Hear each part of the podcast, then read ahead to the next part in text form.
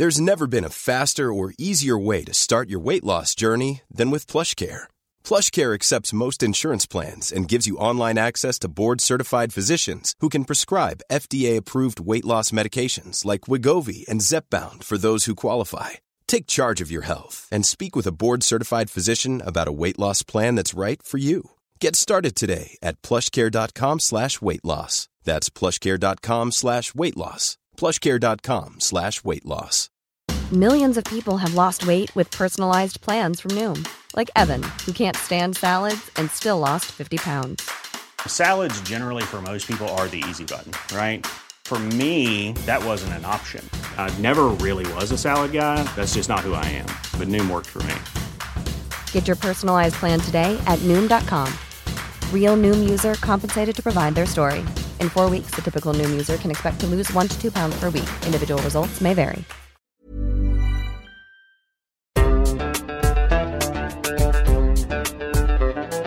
بودكاست صوت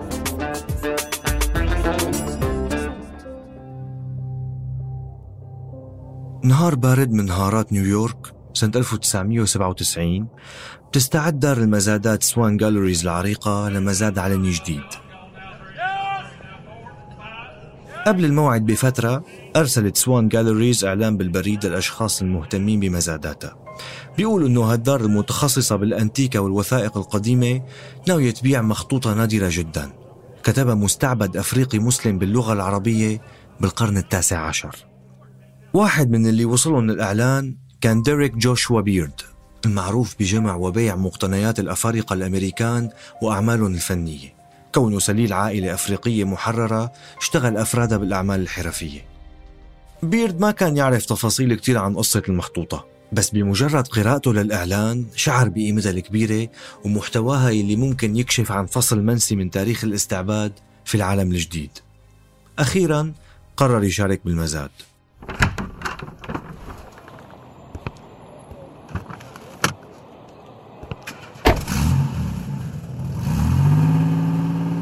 بالطريق لسوان جاليريز بيتوقع ديريك يتنافس مع ممثلين من أهم الجامعات الأمريكية المستعدين يشتروا المخطوطة ولو بملايين الدولارات. مو كتير غريب توقعه لهيك مبلغ خصوصا أنه المخطوطة اختفت بفترة العشرينات وما رجعوا لقوها إلا بسنة ال 95 بولاية فرجينيا كانت متروكة بصندوق قديم عند أحفاد مالكها الأخير عالم العملات المعروف هولاند وود. لحسن الحظ بقيت أوراقها سليمة وحبرها واضح. هو بيعرض سعر والتاني بيعرض سعر كمان لحد ما بيرد بيقدم سعره النهائي يلي بتقبل فيه دار المزادات ويلي منافسه ما بيقدر عليه. ترسل مزايدة عليه وبيشتري المخطوطة ب 22 ألف دولار. بيمسك المخطوطة بلاقيها كتيب غلافه بني طوله حوالي 19 سنتيمتر وعرضه 16 ديريك بيرد ما بيفهم منها غير المقدمة المكتوبة على الغلاف باللغة الإنجليزية. حياة عمر بن سعيد المعروف بمورو. عبد من شعب الفلان الأفريقي في كارولاينا الشمالية مملوك للحاكم أوين. على عكس مئات المقتنيات اللي تعود يشتريها ويبيعها بيحتفظ بيرد بالمخطوطة وبيخوض معها رحلة بحث وترجمة وتحليل لمدة 20 سنة بيحاول خلالها نشر قصة عمر بن سعيد المستعبد الأفريقي المسلم. القصة يلي بقيت منسية لعدة عقود.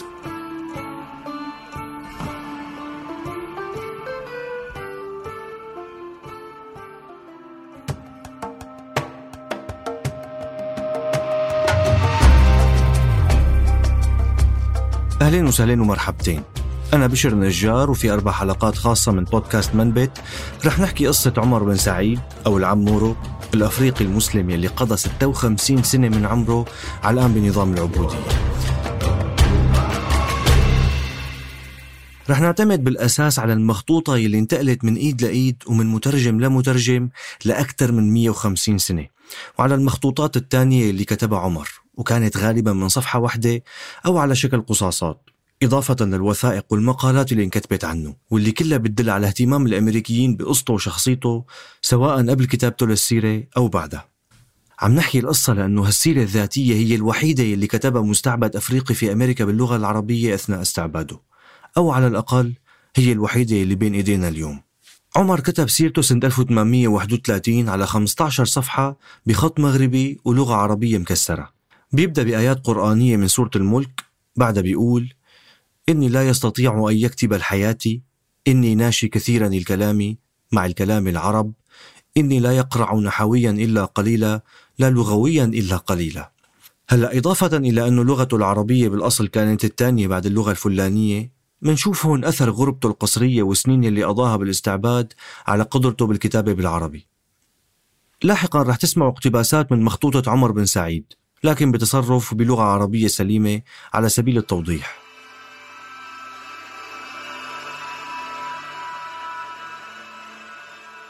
اسمي عمر ابن سعيد. مولود في فوتا تورو بين النهرين. طلبت العلم لخمس وعشرين سنة. ثم عدت إلى الديار وبقيت ست سنوات. بعدها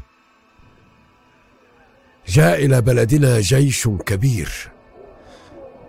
قتل الكثير من الناس. أخذني وسار بي نحو البحر الكبير.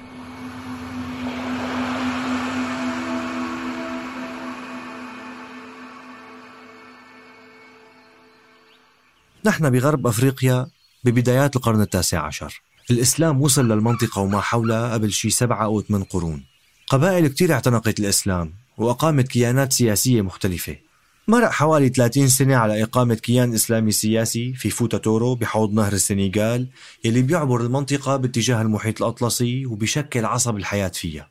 هالكيان اسمه دولة الأئمة أو ألمامي حسب الاسم المتداول محليا وزعيمها عبد القادر كن العالم المسلم يلي انتخبوه رجال الدين لقيادة الدولة بوقت تأسيسها 30 سنة شهدت فيها فوتا تورو تغيرات علمية واقتصادية وانتشار أوسع للإسلام. حاول الإمام عبد القادر خلال يطبق الشريعة بصرامة بالغة ما أعجبت البعض. لإيمانه بأن الحل المثالي للعدل والإنصاف. بل أنه نظم حملات للجهاد ضد المخالفين أو المتورطين في استعباد المسلمين. عقد الإمام اتفاقية مع الفرنسيين اللي تجارتهم بتعبر نهر السنغال باتجاه الساحل. اشترط عليهم فيها يدفعوا مقابل استخدامهم للنهر بمنطقته ومنعهم بوضوح من التجارة بالمستعبدين المسلمين وبيعهم للتجار الأوروبيين. تبعت هي الإجراءات اضطرابات وصراعات بالمنطقة وبدأت الخلافات بين الإمام وأعضاء من النخبة الدينية يلي انتخبته بالبدايات ونشأت الانشقاقات وكبر الصراع ودخل فيه أعداء الإمام القدامى وبعض الممالك المحيطة إلى أن وصلت الأمور ذروتها. وبربيع سنة 1807 بفوت جيش مملكة كارتا على فوتا تورو وهالغزو بيتم بتحريض من خصوم الإمام عبد القادر وبالتحالف معه. أيام عصيبة بتمر على هالمنطقة في أقصى غرب أفريقيا. الجيش الكبير مثل ما بتوصفه المخطوطة بيرتكب مجازر وبيروح فيها ضحايا كتير وأسرى والهدف هو السيطرة على المنطقة الاستراتيجية في حوض نهر السنغال وإنهاء حكم الإمام عبد القادر كن يلي استمر أكثر من 30 سنة بل وقتله. بلحظة المواجهة الأخيرة بينقتل الإمام وبينتهي حكمه في دولة الأئمة اللي بتبقى خاضعة لسيطرة عائلات من النخبة الدينية. كل اللي بقيوا حوله إما بيتصفوا أو بيصيروا أسرى وبينباعوا للتجار الأوروبيين. وبنص كل هالأحداث المفصلية بتاريخ المنطقة في رجل من شعب الفلان في شمال السنغال غرب أفريقيا كان صار له شي ست سنين راجع ليستقر بقريته في فوتا تورو بعد 25 سنة في طلب العلم. اسمه عمر عمر بن سعيد. مو واضح كتير إذا كان مقرب من الإمام وجماعته أو حتى جزء منهم. بس الأكيد أنه جيش الغزاة أسروا واقتادوا باتجاه الغرب تحضيرا لبيعه للتجار الأوروبيين في مدينة سان لويس الساحلية أو اندار باللغة المحلية. هالمدينة الأفريقية سكانها حوالي 7000 أكثر من نصهم خدموا بحارة إضافة للأسرى المحجوزين عند الملاك الأوروبيين الكبار والصغار. عند ميناء سان لوي بيصب نهر السنغال بالمحيط الأطلسي وعنده بتلتقي السفن الأمريكية بالتجار الأوروبيين. عمر بن سعيد خلال هالرحلة القصرية من فوتا تورو للساحل بيحاول يستوعب حجم الألم يلي بيعيشه ويمكن بيحاول يتخيل شو عم يستناه بالبحر وما وراء البحر.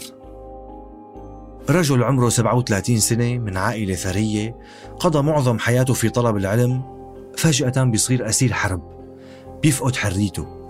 بعد شوي رح ينباع لتاجر أوروبي ويبقى محجوز بمدينة ساحلية معروفة بتجارة المستعبدين. ببساطة حياته عم تنهار قدام مصير مجهول. ميناء سان لوي على موعد مع ثلاث سفن أمريكية رح توصل قبل نهاية السنة سنة 1807 جاي لتحمل دفعة جديدة من الأفارقة للعمل قصرا في المزارع الأمريكية. وعمر بن سعيد محجوز وعم يستنى. يمكن متوقع بهالفترة يبادر حدا من عائلته المعروفة بثراء أو أقربائه بأنه يدفع المال لتحريره. بس عمر عم يفقد الأمل شوي شوي. يمكن عائلته ما بتعرف مصيره. أو يمكن أصلا خسرت كل شيء بالحرب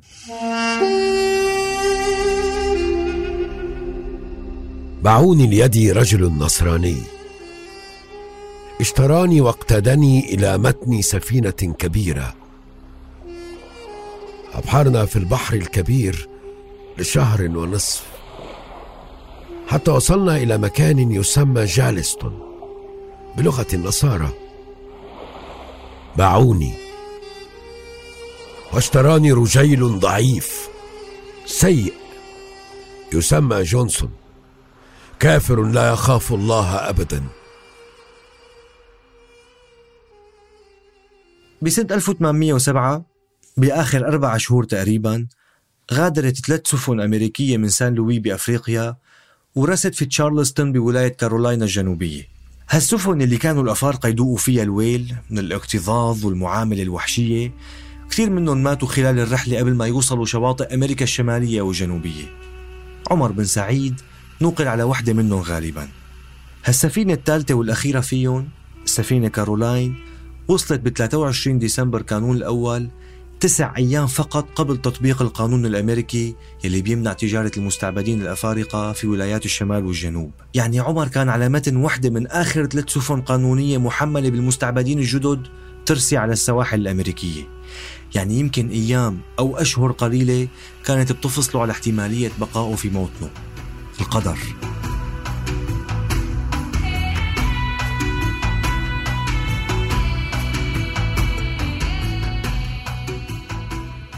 عرض عمر بن سعيد للبيع في تشارلستون. غالبا في مزاد علني على بعد نص كيلومتر من الميناء في واحدة من الساحات المفتوحة المخصصة لبيع المستعبدين. يمكن أعلن عنه وعن بقية المستعبدين الجدد بملصقات بتبلغ المهتمين بموعد المزاد مثل العادة أو انباع بصفقة مباشرة بين التاجر والمالك. اشترى جونسون الرجل السيء مثل ما وصفه عمر. بتقول المصادر أنه أجبروا على العمل في حقول الأرز المحيطة بتشارلستون. كانوا الأفارقة يشتغلوا ويفلحوا بهالحقول في ظروف عمل قاسية على مدار أكثر من قرن. وازدهرت زراعة الأرز في المدينة وفي ولاية كارولاينا الجنوبية بشكل عام وكانت تدر على الملاك أرباح أكثر من أي زراعة تانية. كله على حساب حرية وصحة المزارعين الأفارقة برجالهم ونسائهم وأطفالهم اللي كتير منهم خسروا أرواحهم بين الحقول. هي الظروف كانت كارثية على عمر بن سعيد يلي قرب عمره على الأربعين ويلي بنيته ضعيفة. وعاش نمط حياة أقل قسوة بموطنه بعد سنتين قرر يهرب لأي مكان يخلصه من العذاب ووجهته كانت شمال تشارلستون.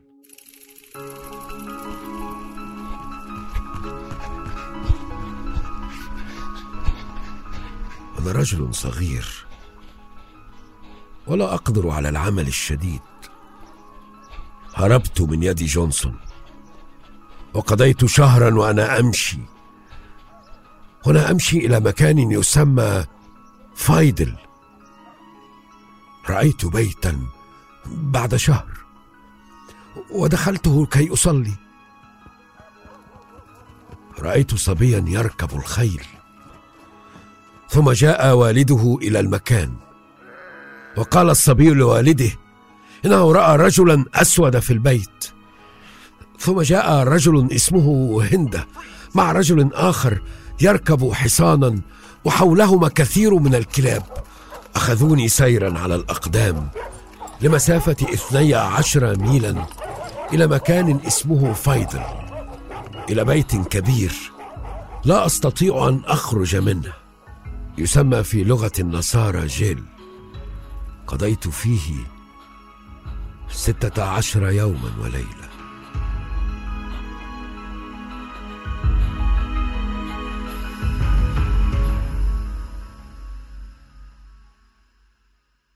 بعد حوالي شهر من المشي باتجاه الشمال بيوصل عمر ولاية كارولاينا الشمالية بالتحديد مكان قريب من مدينة فيدفيل اللي بيسميها برسالته فيدل هالمدينة بتبعد عن تشارلستون أكثر من 250 كيلومتر.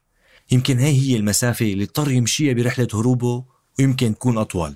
بعد القبض عليه مرة تانية في فيدفيل مثل ما سمعنا ووضعه بالسجن أو ال jail حسب كيف سماع للكلمة بيخوض عمر تجربة صعبة شوي ما بين مصيره يلي مو معروف بهالسجن خصوصا إنه لسه ما عنده القدرة على التواصل مع الأمريكيين بلغة مشتركة وما بين خوفه الشديد من إعادته لحقول الأرز عند يلي ما بيتسمى.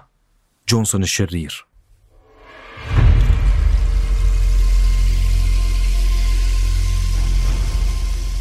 بالحلقة الجاية رح نعرف شو عمل عمر بن سعيد داخل زنزانته في فيدفيل. وكيف قدر يلفت نظر السجانين وأهالي المنطقة لشخصيته ومستوى تعليمه؟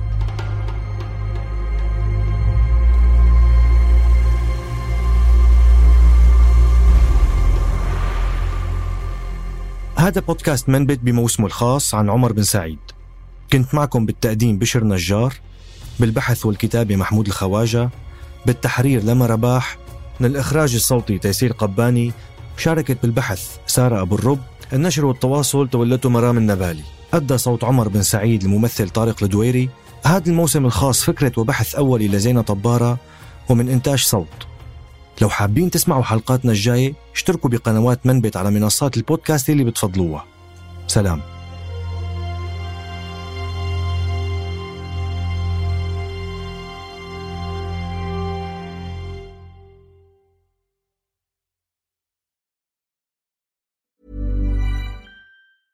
Planning for your next trip? Elevate your travel style with Quince. Quince has all the jet setting essentials you'll want for your next getaway, like European linen, premium luggage options, buttery soft Italian leather bags, and so much more. And is all priced at 50 to 80% less than similar brands. Plus, Quince only works with factories that use safe and ethical manufacturing practices.